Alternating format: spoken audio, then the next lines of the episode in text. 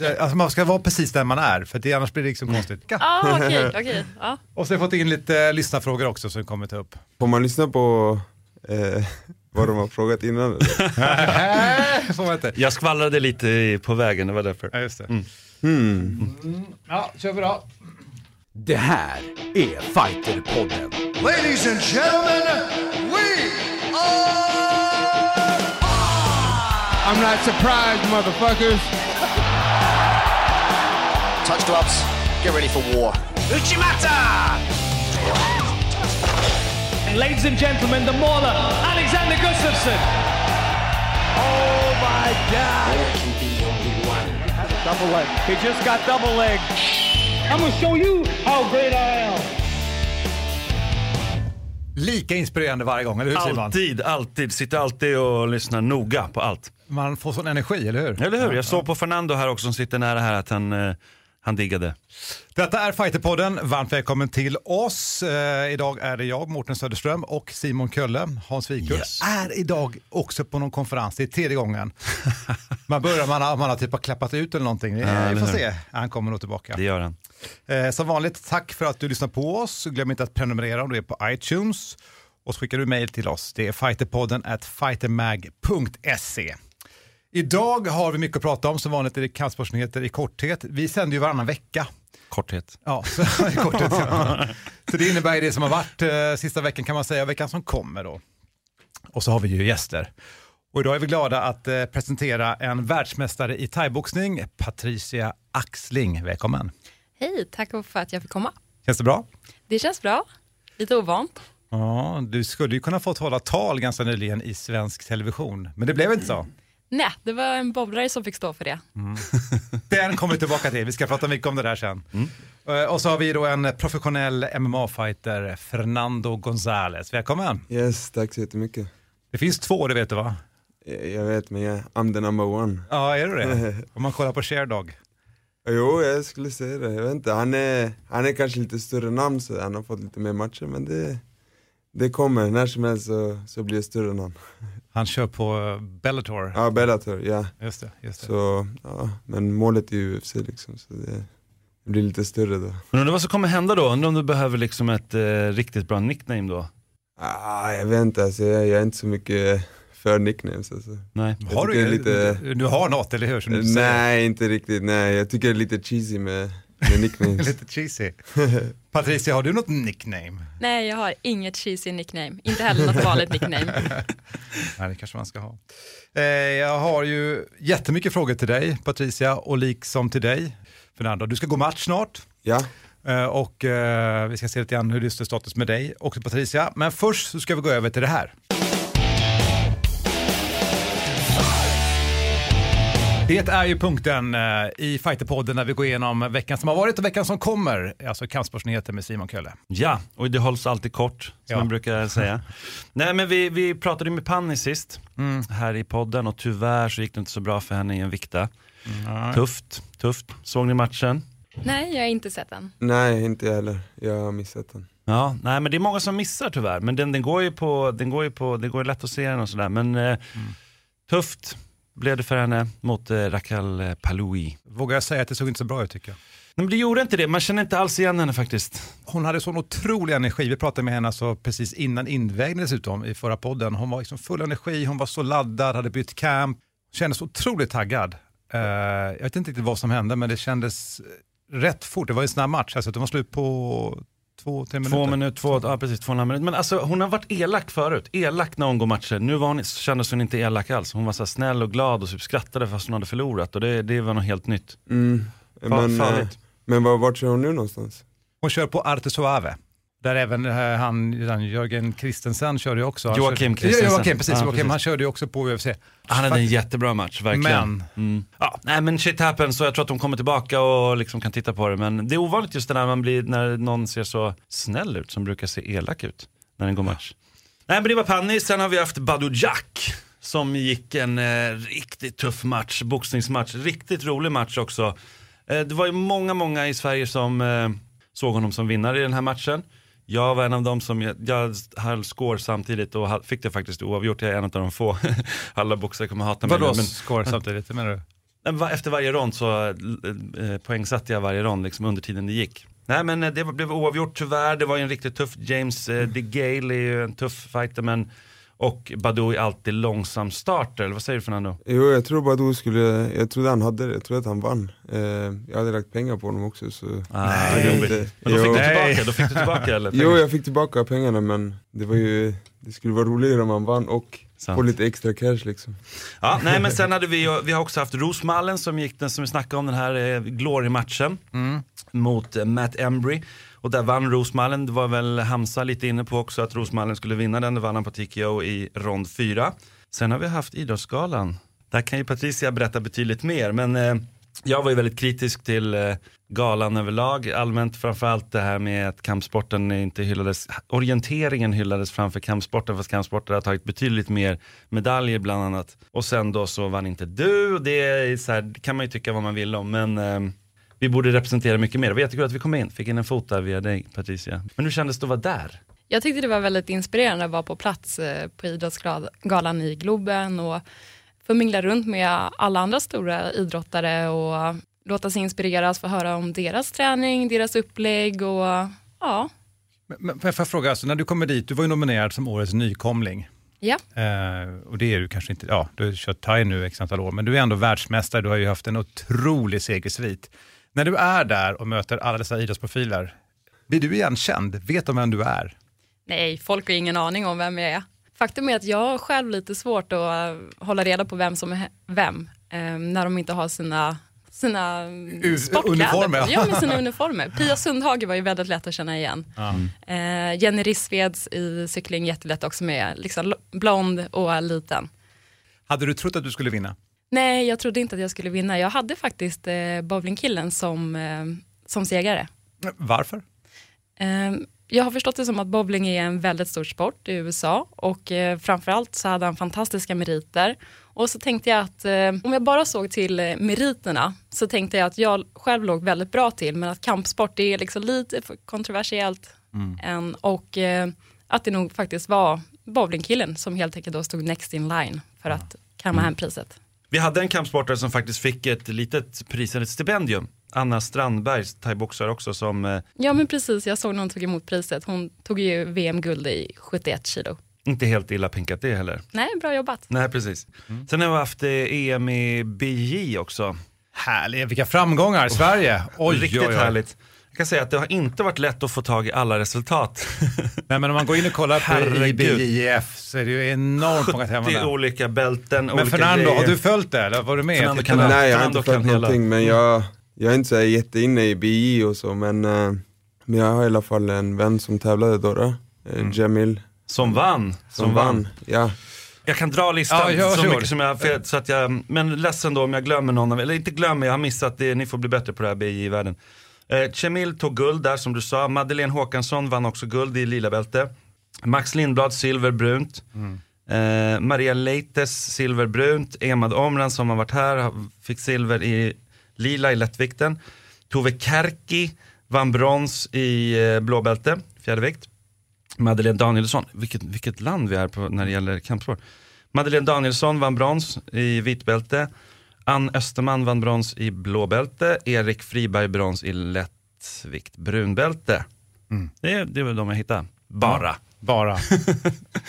Vilka, alltså, här, hur kan vi vara så bra på BJ? Hur kan vi vara så bra på thaiboxning och MMA? Alltså, va, varför är Sverige så bra på kampsport?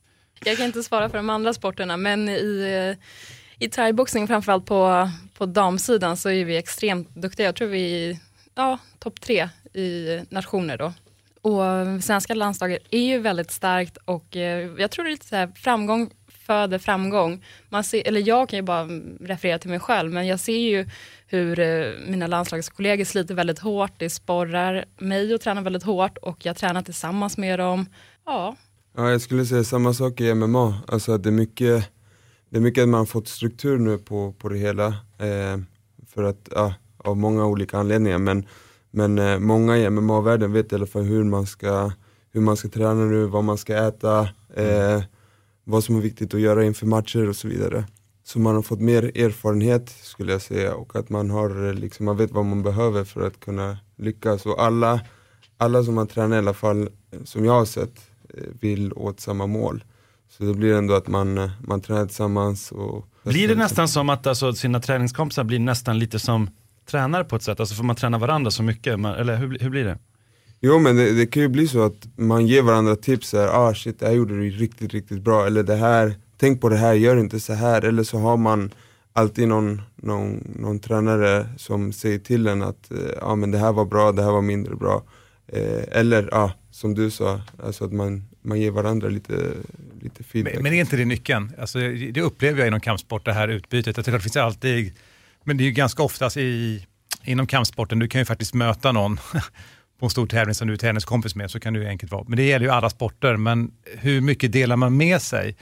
När vi hade, var det Hamza jag här som sa det, att eh, han är van vid, han sa att i Thailand framförallt, att man har haft så mycket utbyte mellan klubbarna. Mm. Eh, I BJ upplever vi också väldigt mycket det. Det är väldigt mycket, man flyttar runt. Det fanns en tid när man inte var på en annan klubb. Idag har det förändrats. Det finns mycket mer utbyte av instruktörer, de flyttar runt och då kommer ju teknikerna och det här evolvera väldigt, väldigt mycket fortare. Det blir en kultur att man, man delar med sig helt enkelt. Eller hur? Det fanns regler. Det fanns, ja, där du började träna Hilti, det var, eller kanske, det var väl första klubben. Där, Ja. hade ju, där fanns det ju regel att man fick inte träna någon annanstans och sådär. Det var ju, det var ju hårt alltså på den tiden. Ja på den tiden var det ganska hårt, då fick man inte träna någon annanstans, men då var det nog mer så här, jag vet inte. Var det en grej bara? Det var nog någon grej, ja men typ tränarna kanske hade något emot eh, varandra eller liknande så det blev, det blev lätt så. Men alltså frågan är ju varför Sverige är så framgångsrikt som ett litet land i kampsport. Vi har ju varit på den här frågan ganska ofta, Mm, alltså mm. vi, både individuellt och de olika sidorna. Nu var det ju BJ vi pratade om här, Mm. Thai är Er- likadant. Liksom. Erfarenhet tror jag. Erfarenhet. Jag tror att man, eh, man har fått upp ögonen lite på vad som bör göras och vad man behöver äta och, och så vidare. Liksom. Vad, hur man behöver träna för att nå dit. Men mindset då? Jo det också, det, du måste, men, men jag tror att de flesta som håller på med kampsport, i alla fall alltså 50% som håller på med kampsport är ganska psykiskt starka. Eh, och sen så finns det ju lite undantag och så men Det som jag tänker på själv, i och med att jag måste ju arbeta vid sidan av då. Jag arbetar på en advokatbyrå som sekreterare och eh, det gör ju att den enda lediga tiden jag har lägger jag på träning. Det blir väldigt målmedvetet. Jag lever ju spartanskt i övrigt så att eh, mina mål är väldigt, väldigt tydliga och jag skulle aldrig liksom lägga fokus på någonting annat så att jag, ja, eyes on the prize. Ja, det är grymt. Satsar. Organisation skulle jag säga också är kanske ganska viktigt. Vi har bra organisation, bra tränare, väldigt bra tränare, bra klubbar, bra liksom förbund. Sådana Ja. saker, det är viktigt. Det är väldigt viktigt. Men jag fortsätter. Eh, sen har vi haft Tito Ortiz som har hängt upp handskarna efter 20 år som proffs i MMA. Ganska, ja, vilken karriär han har haft den mannen. En kontroversiell vinst mot eh, som kom tillbaka efter tre år borta från sporten MMA. Och så möttes de i Bellator. Så att, ja, det är många som säger att den här matchen var fixad och det, jag vet inte om du har sett. ja, jag har sett lite grann av det, bara avslutet. Men den där choken där som eh, Tito fångade honom i, vad säger du om den? Det, det var lite kontroversiellt, det är svårt att säga. eh, Jag såg inte matchen, kan du återge? Ja, det är bättre att du gör det som är duktig.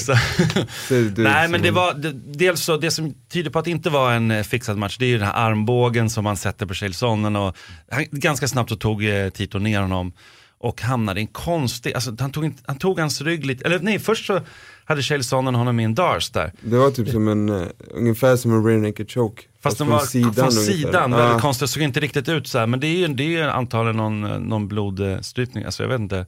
Ja, jag vet inte heller, det såg, jag vet inte, det var, det var en konstig vinkel också, det är svårt att se. Antingen det så går den på nacken Jag måste eller se så, den här, jag måste se Ja. matchen känner jag nu. antingen så drar han i nacken eller så kommer han lite Ja. under, jag, jag vet inte Tito är riktigt. stark och Shale brukar klappa, det är väl lite så. Ja, han gillar att klappa. exakt, chill, chill Men han är så här konstig också, Chaelson. han skulle kunnat bettat på sig själv eller någonting. Det skulle Mm. inte förvåna mig, det är liksom, han är så märklig liksom. Ju nej, ganska- han är rolig. Det var ju bra trash talk innan. Han är Uff, Jo. ah, så Jesus. shit. Ja, verkligen.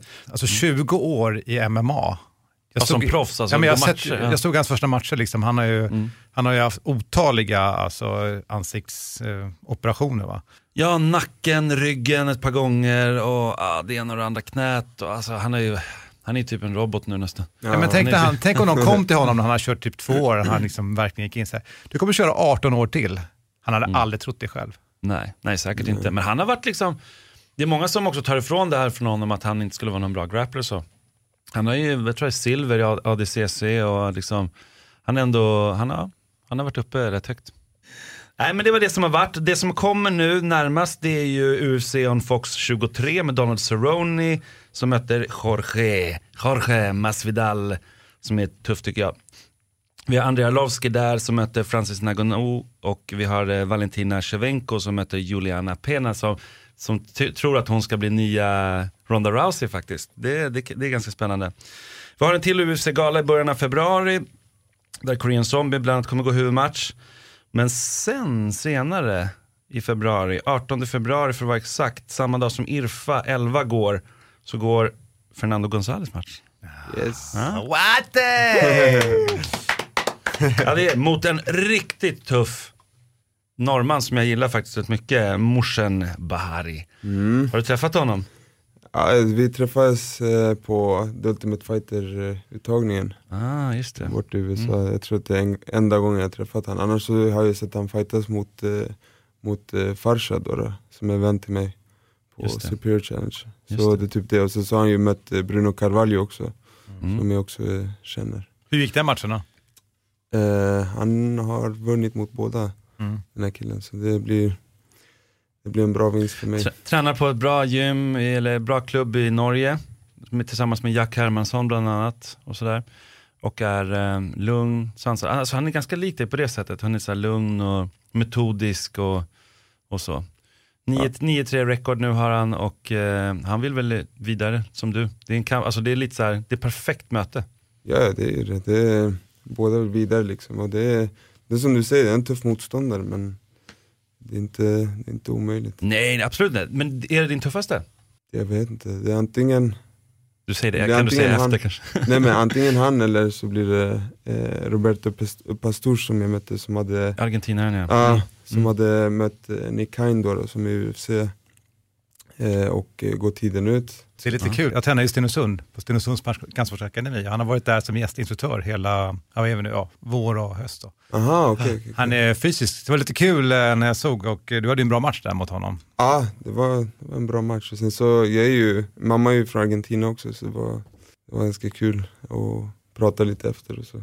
Ja, häftigt. Ja, men det är det. Sen eh, kan vi snacka senare sen om det stora som kommer, för vi har ju thaiboxnings-SM, det ska vi ju göra en liten special kring, så Ja. det får vi prata om senare.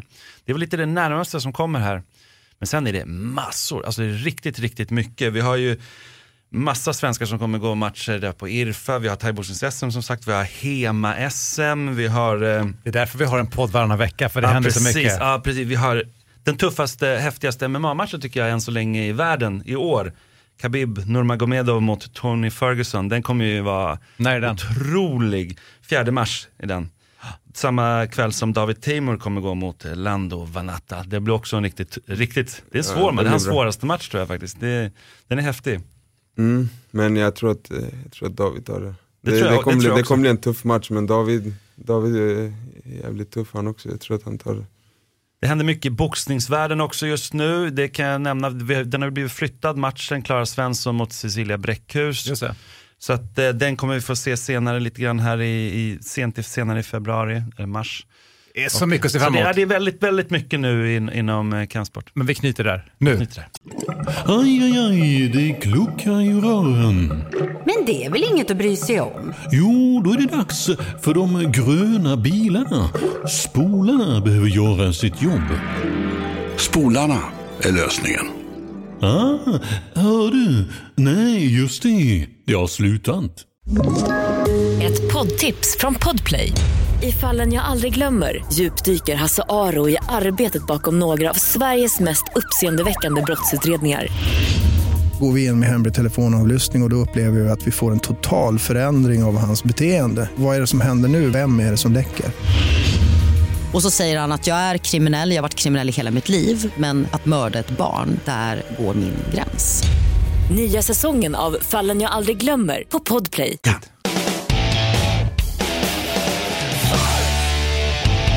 Fighterpodden avsnitt 13, vet inte om det betyder någonting att det är 13, det är ju turtal, eller så kanske det var otur. Jag tänkte på dig, Patricia Axling.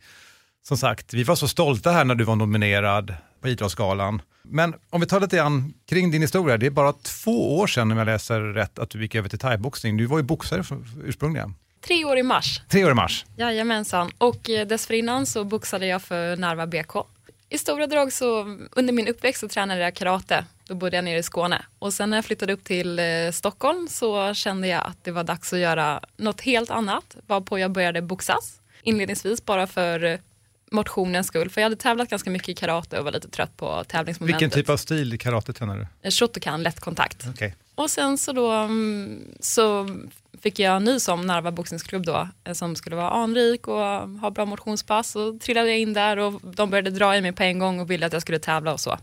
Vilket jag inte ville. Men efter fyra år på, som motionär då hade jag två år som, som aktiv boxare. Mm. Och sen efter det så blev det ett kortare break varpå jag sedan trillade in på thaiboxning. Men, Det är inte helt naturligt. är det inte?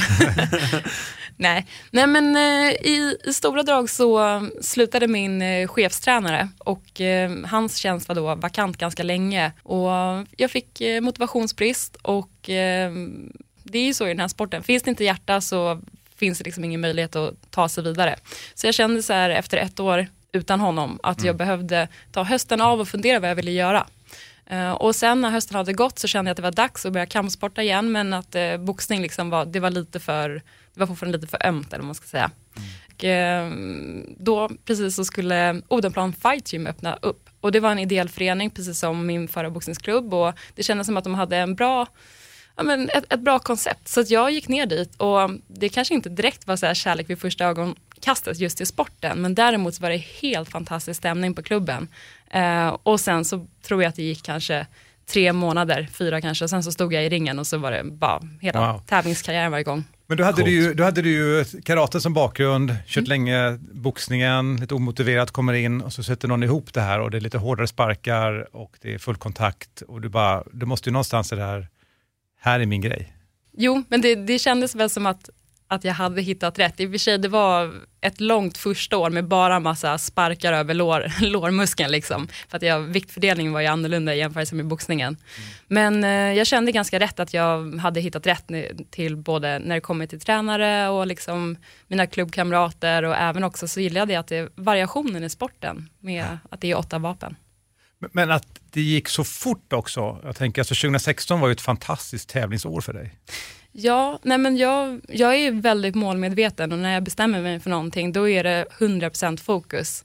Ehm, sen så tror jag att det blev lite så här revansch från boxningen för att jag hade stora ambitioner inom boxningen också. Och då blev det lite, äh, men nu, då får jag visa inom thaiboxningen vad jag, vad jag kan här istället. Och så, så ja, Häftigt. jättekul. Verkligen. Men man tänker så här, vad, du, vad, är, vad fokuserar du nu på då? Nu när du har vunnit så mycket? Nu fokuserar jag på SM som är om fem veckor. Mm. Häftigt. Det är ju så, varje år så, ehm, det är ju nya uttagningar till landslaget och ehm, det är ju stor fördel om man har tagit ett SM-guld. Så att det, det är det som är mitt kommande mål. Men vore det inte lite nästan skandal om inte du skulle komma med i landslaget? Eller är det så att du gör ett dåligt SM, som du inte kommer göra, men om du skulle göra det, då skulle du inte kanske komma med i landslaget, fast du har vunnit VM, Ja, SM, nej, men- EM. Ja, men så, så tror jag att det är. Det är tufft. Eh, Mm. Det är tufft. Du jobbar på en eh, advokatfirma, så du var sekreterare där. Jajamensan. Den heter Defense, Den, eh, det är bra namn, Det är bra namn ja. ja. passar bra. Ska du bli jurist eller vad är tanken? Eh, Jag har tidigare utbildat mig till någonting som heter paralegal, eh, juridisk handläggare. Och ehm, ehm, efter det så, ja, så började jag jobba då som juridisk handläggare och så har jag jobbat i åtta år och sen med anledning av framförallt av sporten så har det bara blivit att jag har fortsatt för min arbetsgivare har väldigt stor förståelse för mitt idrottande och passar mig väldigt bra. Så får man väl se sen vad framtiden har att erbjuda. Jag kollar hemsidan, de är lite stolta över dig. De lyfter fram där dina framgångar. Det är Det är lite kul. häftigt. Ja, men de, är, de är jättestolta, de följer och de var på Idrottsgalan och det, är- ja, det är bra backning. Det roliga är också att Fernando också jobbar där, eller hur Fernando? Nej, inte riktigt. Det ser ut som ett frågetecken. Ja, jag Men bara, vad va? gör du Fernando annars, förutom att bara fightas? Eh, jag jag jobbar på ett HVB-hem, Mm. eh, så jag jobbar mycket med så här ensamkommande flyktingar och, och lite sånt. Och sen så eh, jobbar jag även med två ungdomar som jag är ledsagare till. Mm. Så, och sen så pluggar jag, håller på att plugga nu till arbetsledare inom mark och anläggning. Mm. Så det är väl det jag gör just nu. Men det är det att man måste göra någonting annat. Ja men så är det, man kan ju inte leva på sporten än. Ja det är klart, man kan ju inte fightas hela livet liksom. Conor McGregor gick på socialbidrag sen när han kom med i UFC. Och nu går han med sin swag och pratar Ja. sitt nya hus. Nu, nu är det inget socialbidrag kan jag säga. Det är, han kan köpa socialförvaltningen där känns det. Jag är inte jätteaktiv på Instagram, men min son, han är 16 år, liksom, Mm. han, han kommer varje dag, vet du, nya bilder hela tiden. Kolla vad Conor har gjort här nu, kolla det här huset han har köpt. Alltså, han har gått på hela myten som Conor McGregor. Ja, det är så Ja. otroligt. Jag funderar ju på om, eh, om jag var ensam idrottare om att inte ha en endaste sponsor på, eh, alltså som medverkade på Idrottsgalan. Just det.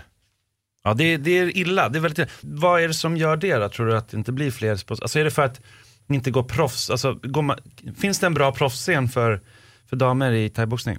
Jo, men det tror jag absolut att det finns. Men det handlar väl lite om det här med att hitta sponsorer också. Det tar, det tar ju tid. Det, det i sig är väl nästan ett heltidsarbete.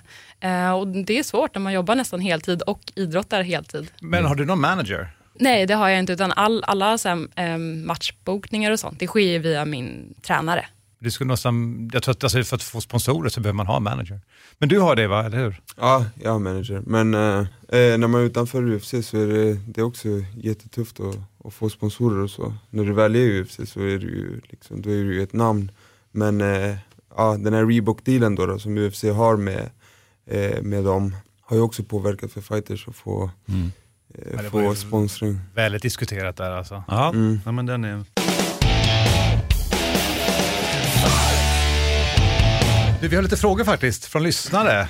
Eh, Jag gillar dem. Jag ja, gillar det är de här kul. frågorna. Eh, de- ska de se kan vara lite vad som frågorna. helst. Vi kan börja med dig Fernando. Nej, Eh, börja med Patrice. Eh, Nej, du får första faktiskt. Eh, Det är från Robert till dig Fernando. Det går många rykten om varför du inte kom med i The Ultimate Fighter eller vad som hände. Berätta gärna med egna ord. Ja, det var lite, lite personliga problem jag, jag inte vill gå in på. Nej. Därför inte heller jag har kommit ut med det. Men, eh, men eh, ja, det var lite personligt som hände och ja, det, var, det var tufft att ta och så men, men nu är jag tillbaka i alla fall. Ja, eh, Patricia, eh, Kalle Korkemäki, förlåt om jag uttalar ditt namn fel Kalle. Frågar så här, vad skulle du sagt om du vann på Idrottsgalan? Håll ditt tal nu. Wow. Eh, nej, men jag kan inte stå här och hålla ett tal. Det verkar jättekonstigt. Nej, men hade du tal? Du hade skrivit Hade ett tal. du det? Liksom sådär. Ja, men det är klart, jag gillar, jag gillar att vara förberedd i, i ja, alla situationer så långt det går. Så det är klart att jag hade funderat på, på, på ungefär vad jag skulle säga. Och, och vad ungefär skulle du säga? Tacka min tränare, mina klubbkamrater, ja, Bud och kampsport som lyfter fram liksom sporten, alltså marknadsfören och så. Men då skulle jag säga att om du hade stått där i nationell tv och haft den chansen och vunnit priset, där då skulle du också sagt det. Och förresten, jag har inga sponsorer. Där har du. Faktiskt, faktiskt, det skulle du gjort. Eh, Vi går vidare här då, det är kul. Det är Fernando, det är från Maria. Jag tycker att du är den snyggaste fighten i Sverige. Tittar du mest på ytan eller det inre hos en tjej?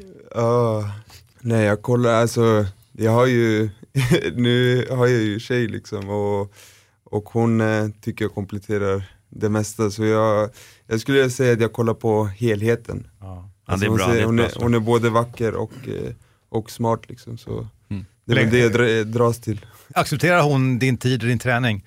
Eh, Ja det gör hon, hon stöttar mig jättemycket i det. Hon, eh, hon gör matlådor till mig, hon, eh, hon pushar mig till att gå till träning och sådana grejer. Så hon, eh, hon, eh, det är viktigt för henne också att jag, att jag får göra det jag tycker om. Liksom. Så hon, hon stö, eh, stöttar mig i det. Det är bra. Patricia, är du singel eller har du relation? Nej, det finns inte så mycket tid över till annat än att träna. Så att det... Så du har ingen som gör matlådor och... nej, nej, det har jag inte. Ibland så, så föreställer jag mig att eh, när jag får riktigt bra sponsor så ska jag ha en kock där hemma som bara står redo vad skönt i alltså. maten. Det- Ja, men- I, ingen relation med partner utan hon ska ha en kock. Kort, liksom. Ja, Vi har lite mer frågor. Salle frågar dig, eh, Patricia, så här, vilka andra kampsporter gillar du? Förutom thaiboxning då som är mig varmast om hjärtat. Uh, nej men jag, ja, nej men, Du gillar ingen? jag gillar inget annat. Nej men eh, helt ärligt, jag, jag tittar inte på, på någonting annat eh, direkt så. Så mitt svar är supertråkigt, men det är, Det är thai alltså. det är thai. Men eh, karaten, har du något hjärta för den fortfarande sen du körde Shotokan? Inte mer än att eh, när jag är nere i Skåne så brukar jag så här, kanske två gånger om året eh, gå ner på min gamla klubb och hälsa på min tränare och lite gamla klubbkamrater. Och jag blir alltid väldigt så här, varm i hjärtat när jag är där. Men jag har inget så här, intresse av att plocka upp någon lättkontaktskarate nu. Det kanske är så här när man ja, men lite så här på äldre dag, för det är, det är fint på så sätt med karaten att man kan utöva den oavsett ålder. Mm. Vilken klubb var det du tillhörde då? Ystad karateklubb. Ja. Ja, vi har mer frågor. Vi har mer frågor. Absolut, Jag, måste dra, jag blev måste så nyfiken bara, sen pratar kampsport. här. Den är så stor och bred, jag tänker att alla kampsport som finns, du har ändå en traditionell bakgrund, du har gjort boxning, kicksport. BJJ, inga intressen där i? Nej, inga intressen i BJJ så, men i och för sig, nu när vi ändå pratar om det, eh, vi har ganska mycket så här brottningsinspirerad fys på klubben. Mm. Och brottning är en sån sport som känns så här, åh, hade jag bara varit ung så hade jag kanske börjat med den istället. Men vadå, hur gammal är du? Eh, jag fyller 30 i år. Hopp, hopp, hopp. Härligt, härligt. Det är ju inte, herregud, det är ju ingen Det är ålder ingen på en ålder, häst. va? Nej, verkligen inte. Fernando Yes. Ifrån Pablo Bror Escobar. Det är säkert hans riktiga namn, det tror jag. Man bara, Bror, eh, vilka tre äldre svenska fighters respekterar du mest? Tre svenska fighter, jag, jag vet inte, alltså, jag vet inte vad han menar med den där frågan. Ja, men om det finns några äldre, äldre fighters än dig som du, som du gillar, liksom, svenska? Jag skulle säga Diego, min Okej. kusin Diego Gonzales, Mm. eh, Nico Mosuke skulle jag säga, eh, Reza, Mm. David Bjerke, det, ja jag vet inte, det, Niklas Bäckström, alltså det finns, Det finns många. många, ja. Ja, är svårt. Frans Liwa, alltså det, det är så här, det är inga, de är inte äldre men är- Vi säger. Pablo, det blev resa på den frågan. Där har du en Ja, gammal räv som du kan ta som svar på det. Exakt, exakt. Sen har vi Johanna som frågar dig Patricia, är du rädd ibland när du går match och i så fall för vad? Nej, jag är inte rädd när jag går match. Alltså, jag tränar alltid hårt inför mina matcher och är väl förberedd. Eh, och jag tror alltid att viljan att vinna måste vara större än eh, rädslan för att förlora. Rädslor är ju ofta någonting som, det är, det är en blockering. Alltså det finns golfspelare som spelar dåligt för att de inte vågar hålla tal, för att det var det de var rädda för. Men det är ju en kategori, eller att man är kanske rädd för att det ska få en tackling. Men om du konstant faktiskt får slag så tror jag att väldigt många som är utanför kampsport direkt tänker bara rädsla. Så det är ju en naturlig fråga. Ja, den, det- jag har hört den frågan väldigt många gånger förut faktiskt, från folk just som du säger som inte kör. Och när du säger bara så här, ja, men alltså, för mig liksom, viljan att vinna är större än rädslan att förlora. Det, det är absolut en paketering på att hantera rädslan. Men jag tror att jag tolkar rädsla här, det måste ju vara liksom att bli skadad, att få ont, smärtan. Hur, hur hanterar du den? Nej men alltså det, det är jag aldrig rädd över. Det är klart att man måste vara ödmjuk för att man kan ju bli skadad i match, men det får man hantera då. Men däremot så är det klart att jag kan ju ha liksom så här, eh, funderingar huruvida, kommer jag prestera idag eller inte? Om jag inte gör det, hur känns det? Det är väl kanske den typen av eh, problem i sådana fall som dyker upp i huvudet. Men när du tog VM-guld, du var ju underdog i den här matchen, Ja, eller hur? ja. Och man läser, alltså jag såg inte den matchen, jag bara läste om den för jag såg inte den. Eh, så förstår man i de här ronderna hur du bara triggade mer och mer. Till slut den vann den matchen. Och du fick ju ganska många sparkar i första ronden förstår jag, eller träffar. ja, jag förlorade första ronden. Ja. Eh, och det var ju så när jag gick upp i, i finalmatchen så var jag otroligt nervös. Det, det var en helt annan typ av nervositet. Ofta så blir jag ganska speedad när jag blir nervös, men där, det blev nästan så att jag blev trött. Jag ville typ gå och lägga mig och bara kände, kan någon annan gå in och möta den här ryska tjejen som jag nu ska möta? Då man tänker så här, det här är precis fel tillfälle att bli trött. Ja, ungefär. Eh, nej men så, så det tog, ja, första ronden tre minuter då. då um, det tog lite tid för mig att liksom komma in i det för att jag var, jag var nervös och blev stel och kunde liksom inte riktigt röra mig. Sen så var det, efter den ronden så kände jag så här, men vad håller jag på med? Jag kastar ju bort hela den här matchen. Mm. Och då är, flög den här tävlingsdjävulen i mig och då bara, nu är jag här för att vinna. Och sen så liksom, Men, men de här träffarna du fick också, alltså smärtan då, triggar den bara i att liksom, nej jag, jag, jag känner inte om det är så mycket adrenalin i kroppen så att det känns som man kan nästan bli överkörd av ett tåg utan att märka någonting. kan du känna igen dig det? Jag känner samma sak, alltså jag, är inte, jag är inte så rädd för att bli skadad på något sätt. Jag är mer rädd att förlora liksom, det är ju det. Och, eh, eller ja, göra en dålig prestation liksom. Det kan ju också, alltså det har ju hänt att man, man känner själv så här, fan jag presterar inte bra den här matchen. Så kan man vara sur, fastän du har vunnit så kan man vara sur på sin prestation för att man vet att man kan bättre liksom. Så, så, så, sånt kan ju också påverka men eh, Jag kommer faktiskt ihåg en sån match, jag tror att det var i Superior, där du var riktigt missnöjd efter. Det var mycket clinch där, kommer du ihåg den matchen? Ja, just det, ja. Jag tror att det var, kan det ha varit i Södertälje eller något sånt där? Jo det ja. var mot eh, han Roberto Pestis. Ja precis, precis. Du var ju rätt missnöjd efter. Ja, Kommer du exakt, bara, ja, ja. "Ah, gillar inte, och alla andra runt omkring bara, "Ah, det var värst, det var din bästa match. Ja exakt, ja, jo. Ja, ja, alltså det var, det var en tuff match men för mig, det är så här, jag siktar på en jag siktar på en annan nivå. Så jag, jag känner ändå så här, shit, gjorde jag en sån här match mot honom när jag, ska, när jag känner att jag måste dominera för att, ja, för att vara på den nivån liksom. Då, jag vet inte, jag är ganska självkritisk också. Så, så det blir lätt för mig att en vinst, jag blir glad, jag blir glad för stunden men jag blir inte så här, sen så vaknar jag upp och bara fan jag gjorde inte så Jag tror att det är så bra vettigt match. ändå. Tänk Demetrius Johnson som, fast han är världsmästare, folk säger att han är pound for pound bästa liksom, fighten i hela världen. Ändå så är han så här rätt missnöjd och de går tillbaka till, det är inte så här hylla honom så mycket, han och hans tränare. De går ju tillbaka och tittar noggrant på hur matchen var och det är, väldigt, det är ganska kritiskt, det här kan du bli bättre. Och, Jo men jag tror, jag, tror att det, jag tror att det är viktigt också för annars så kan man lätt flyga iväg att eh, man tror liksom, ah men shit jag, jag vinner hela tiden, jag är bäst liksom. Nej man ska vara kritisk tycker jag. Ja, jag känner ju verkligen igen det där själv, för efter alla matcher som jag går, oavsett om det är liksom vinst eller förlust, så analyserar jag och min tränare alltid materialet och är så här, vad var bra, vad var dåligt, vad ska vi träna mer på? Så, och det kanske är en del av Sveriges framgångar också, att man lägger mycket analytiskt arbete. Ja, men det är också en gräns, att det är en skillnad mellan att vara självkritisk, alltså, det finns ju de som också är självdestruktiva, alltså det är jag är aldrig bra, jag är aldrig bra, men att kunna faktiskt säga till sig själv, idag var jag bra, kan du det Patricia? Så här, idag gjorde jag en bra match, idag var jag duktig. Alltså jag har väldigt, väldigt svårt för det där. Det är någonting som jag faktiskt tränar på. Fast jag tror inte på. att du är ensam, jag tror att om vi ska ta alla vi har haft här på intervjuer i Fighterpodden, Fernando, hur ofta säger du till dig själv att, fan det var bra, det var bra gjort Fernando?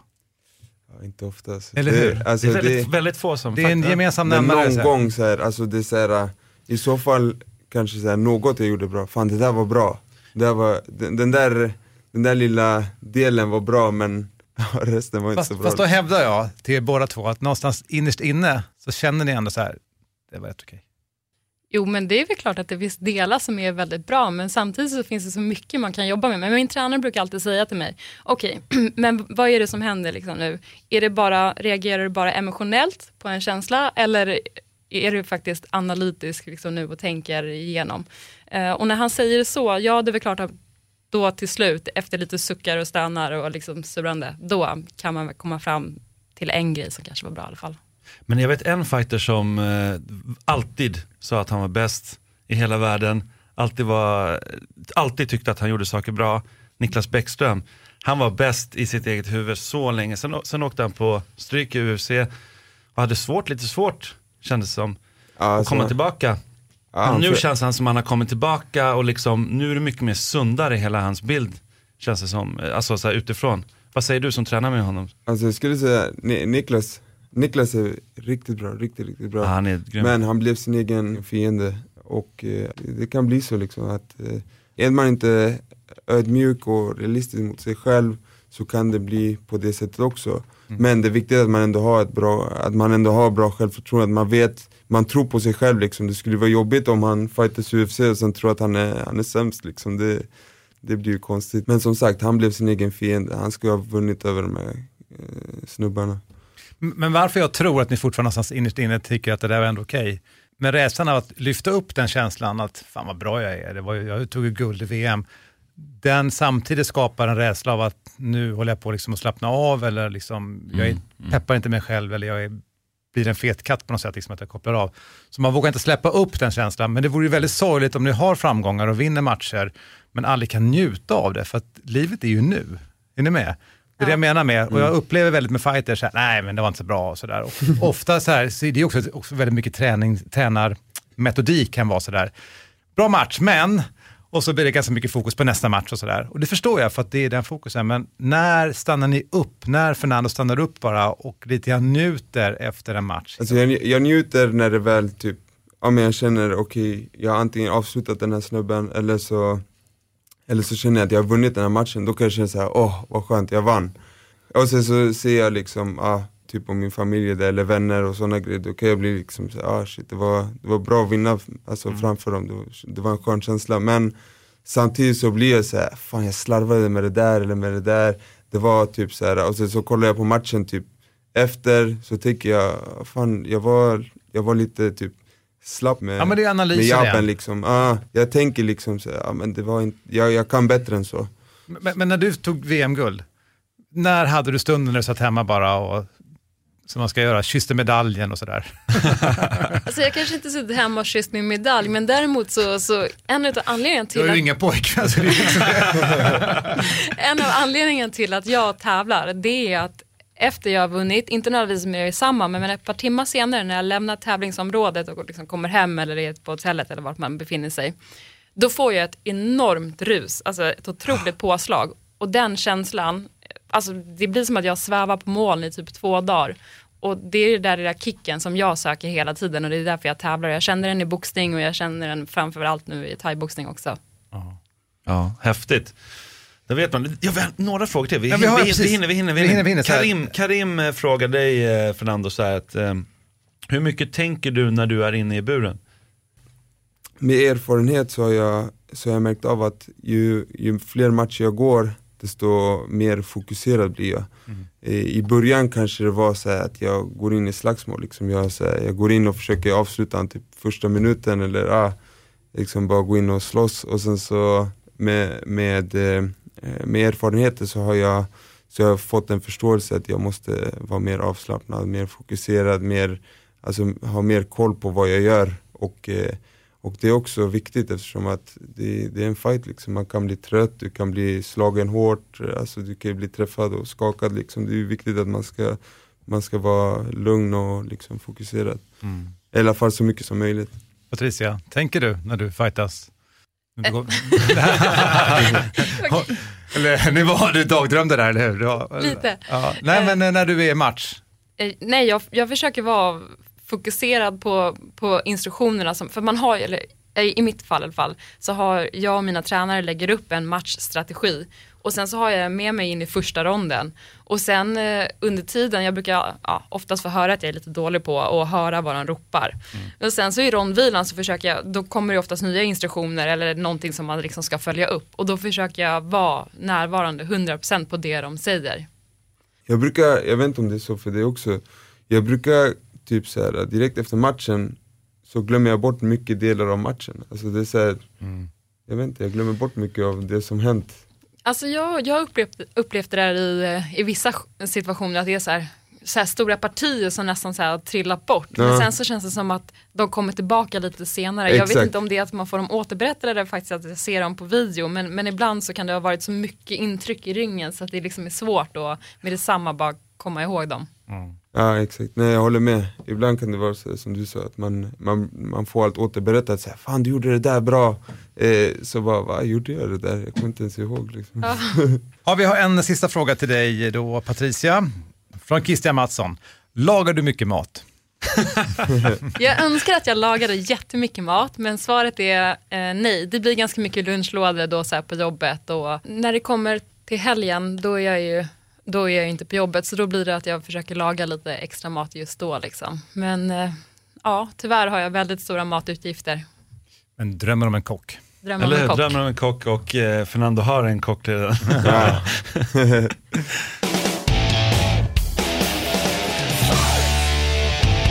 Fighterpodden, Patricia Axlinge här, Fernando Gonzales. Jag noterar faktiskt en grej Simon, lite kul. Vi kommenterar ju båda MMA. Jag, Ja, jag kommenterar faktiskt dig 2012 när du körde mot Per Franklin i The Zone. Ja just det, ja jo. Ja, det är Det har du roligt. gjort, ja det är kul, det är kul. Och eh, ja, går senast fort. var ju på Superior. Ja, du är mycket bättre på det här än vad jag är Simon, men det är ändå roligt.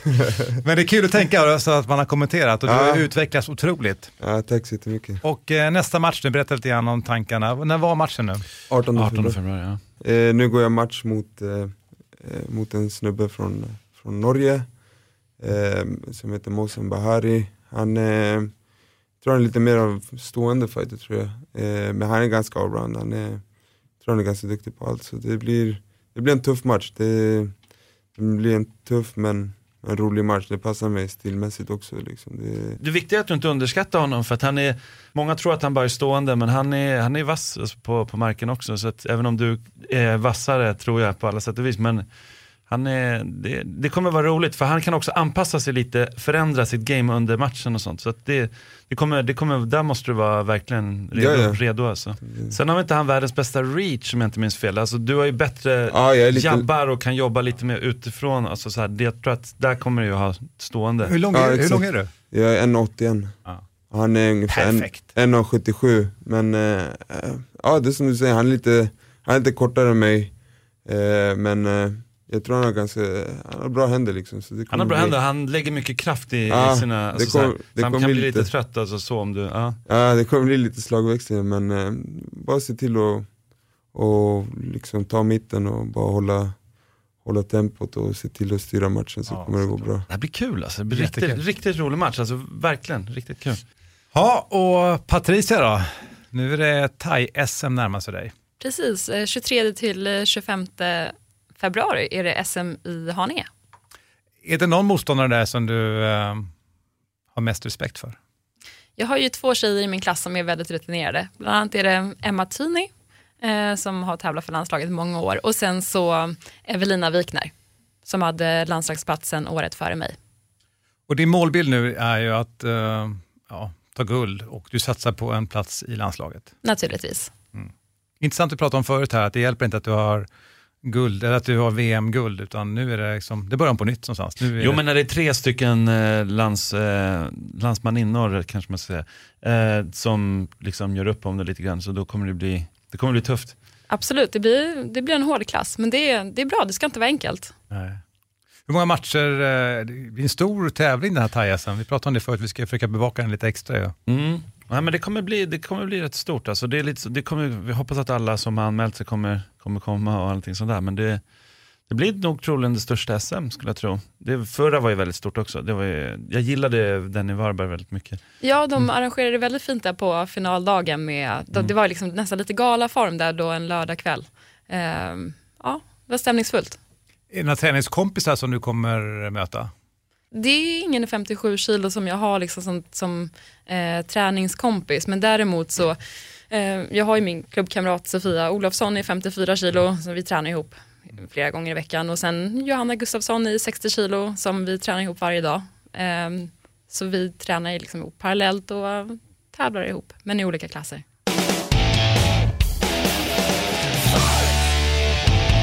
Därför ska vi ta och knyta ihop dagens Fighterpodden då. Patricia Axling, det ska bli kul att följa dig. Och eh, Fernando González. Om jag vill följa dig nu på Instagram, vad tar jag vägen då? Fernando understreck eh, Gonzales. Och Patricia då? Om man vill följa mig så går man in på Instagram och så skriver man Paxling, det vill säga P-axling. Så hittar man mig öppet konto, så följ gärna. Och som sagt, sponsorer, det förtjänar ni nu. Det är dags nu. Ni är otroligt duktiga utövare. Vi ser fram emot att följa era framgångar. Vi kommer att prata om det här i Fighterpodden. Simon Kölle, Ja, det var dagens Fighterpodden som sagt. ja grymt. Ses om två veckor. Det gör vi. Då Ha- hoppas vi har Hans. Hansa Wiklund, om han kommer hit eller om han har klappat ut. Jag heter Mårten Söderström, det är fighterpodden at fightermag.se om du vill eh, skicka ett mail till oss. Ta hand om er, vi hörs snart. Us! Os. Fighterpodden produceras av Suba Media för Radio Play och Fighter Magazine.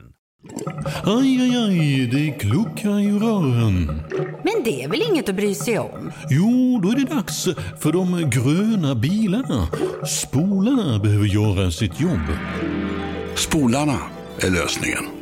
Ah, hör du? Nej, just det. Det har slutat.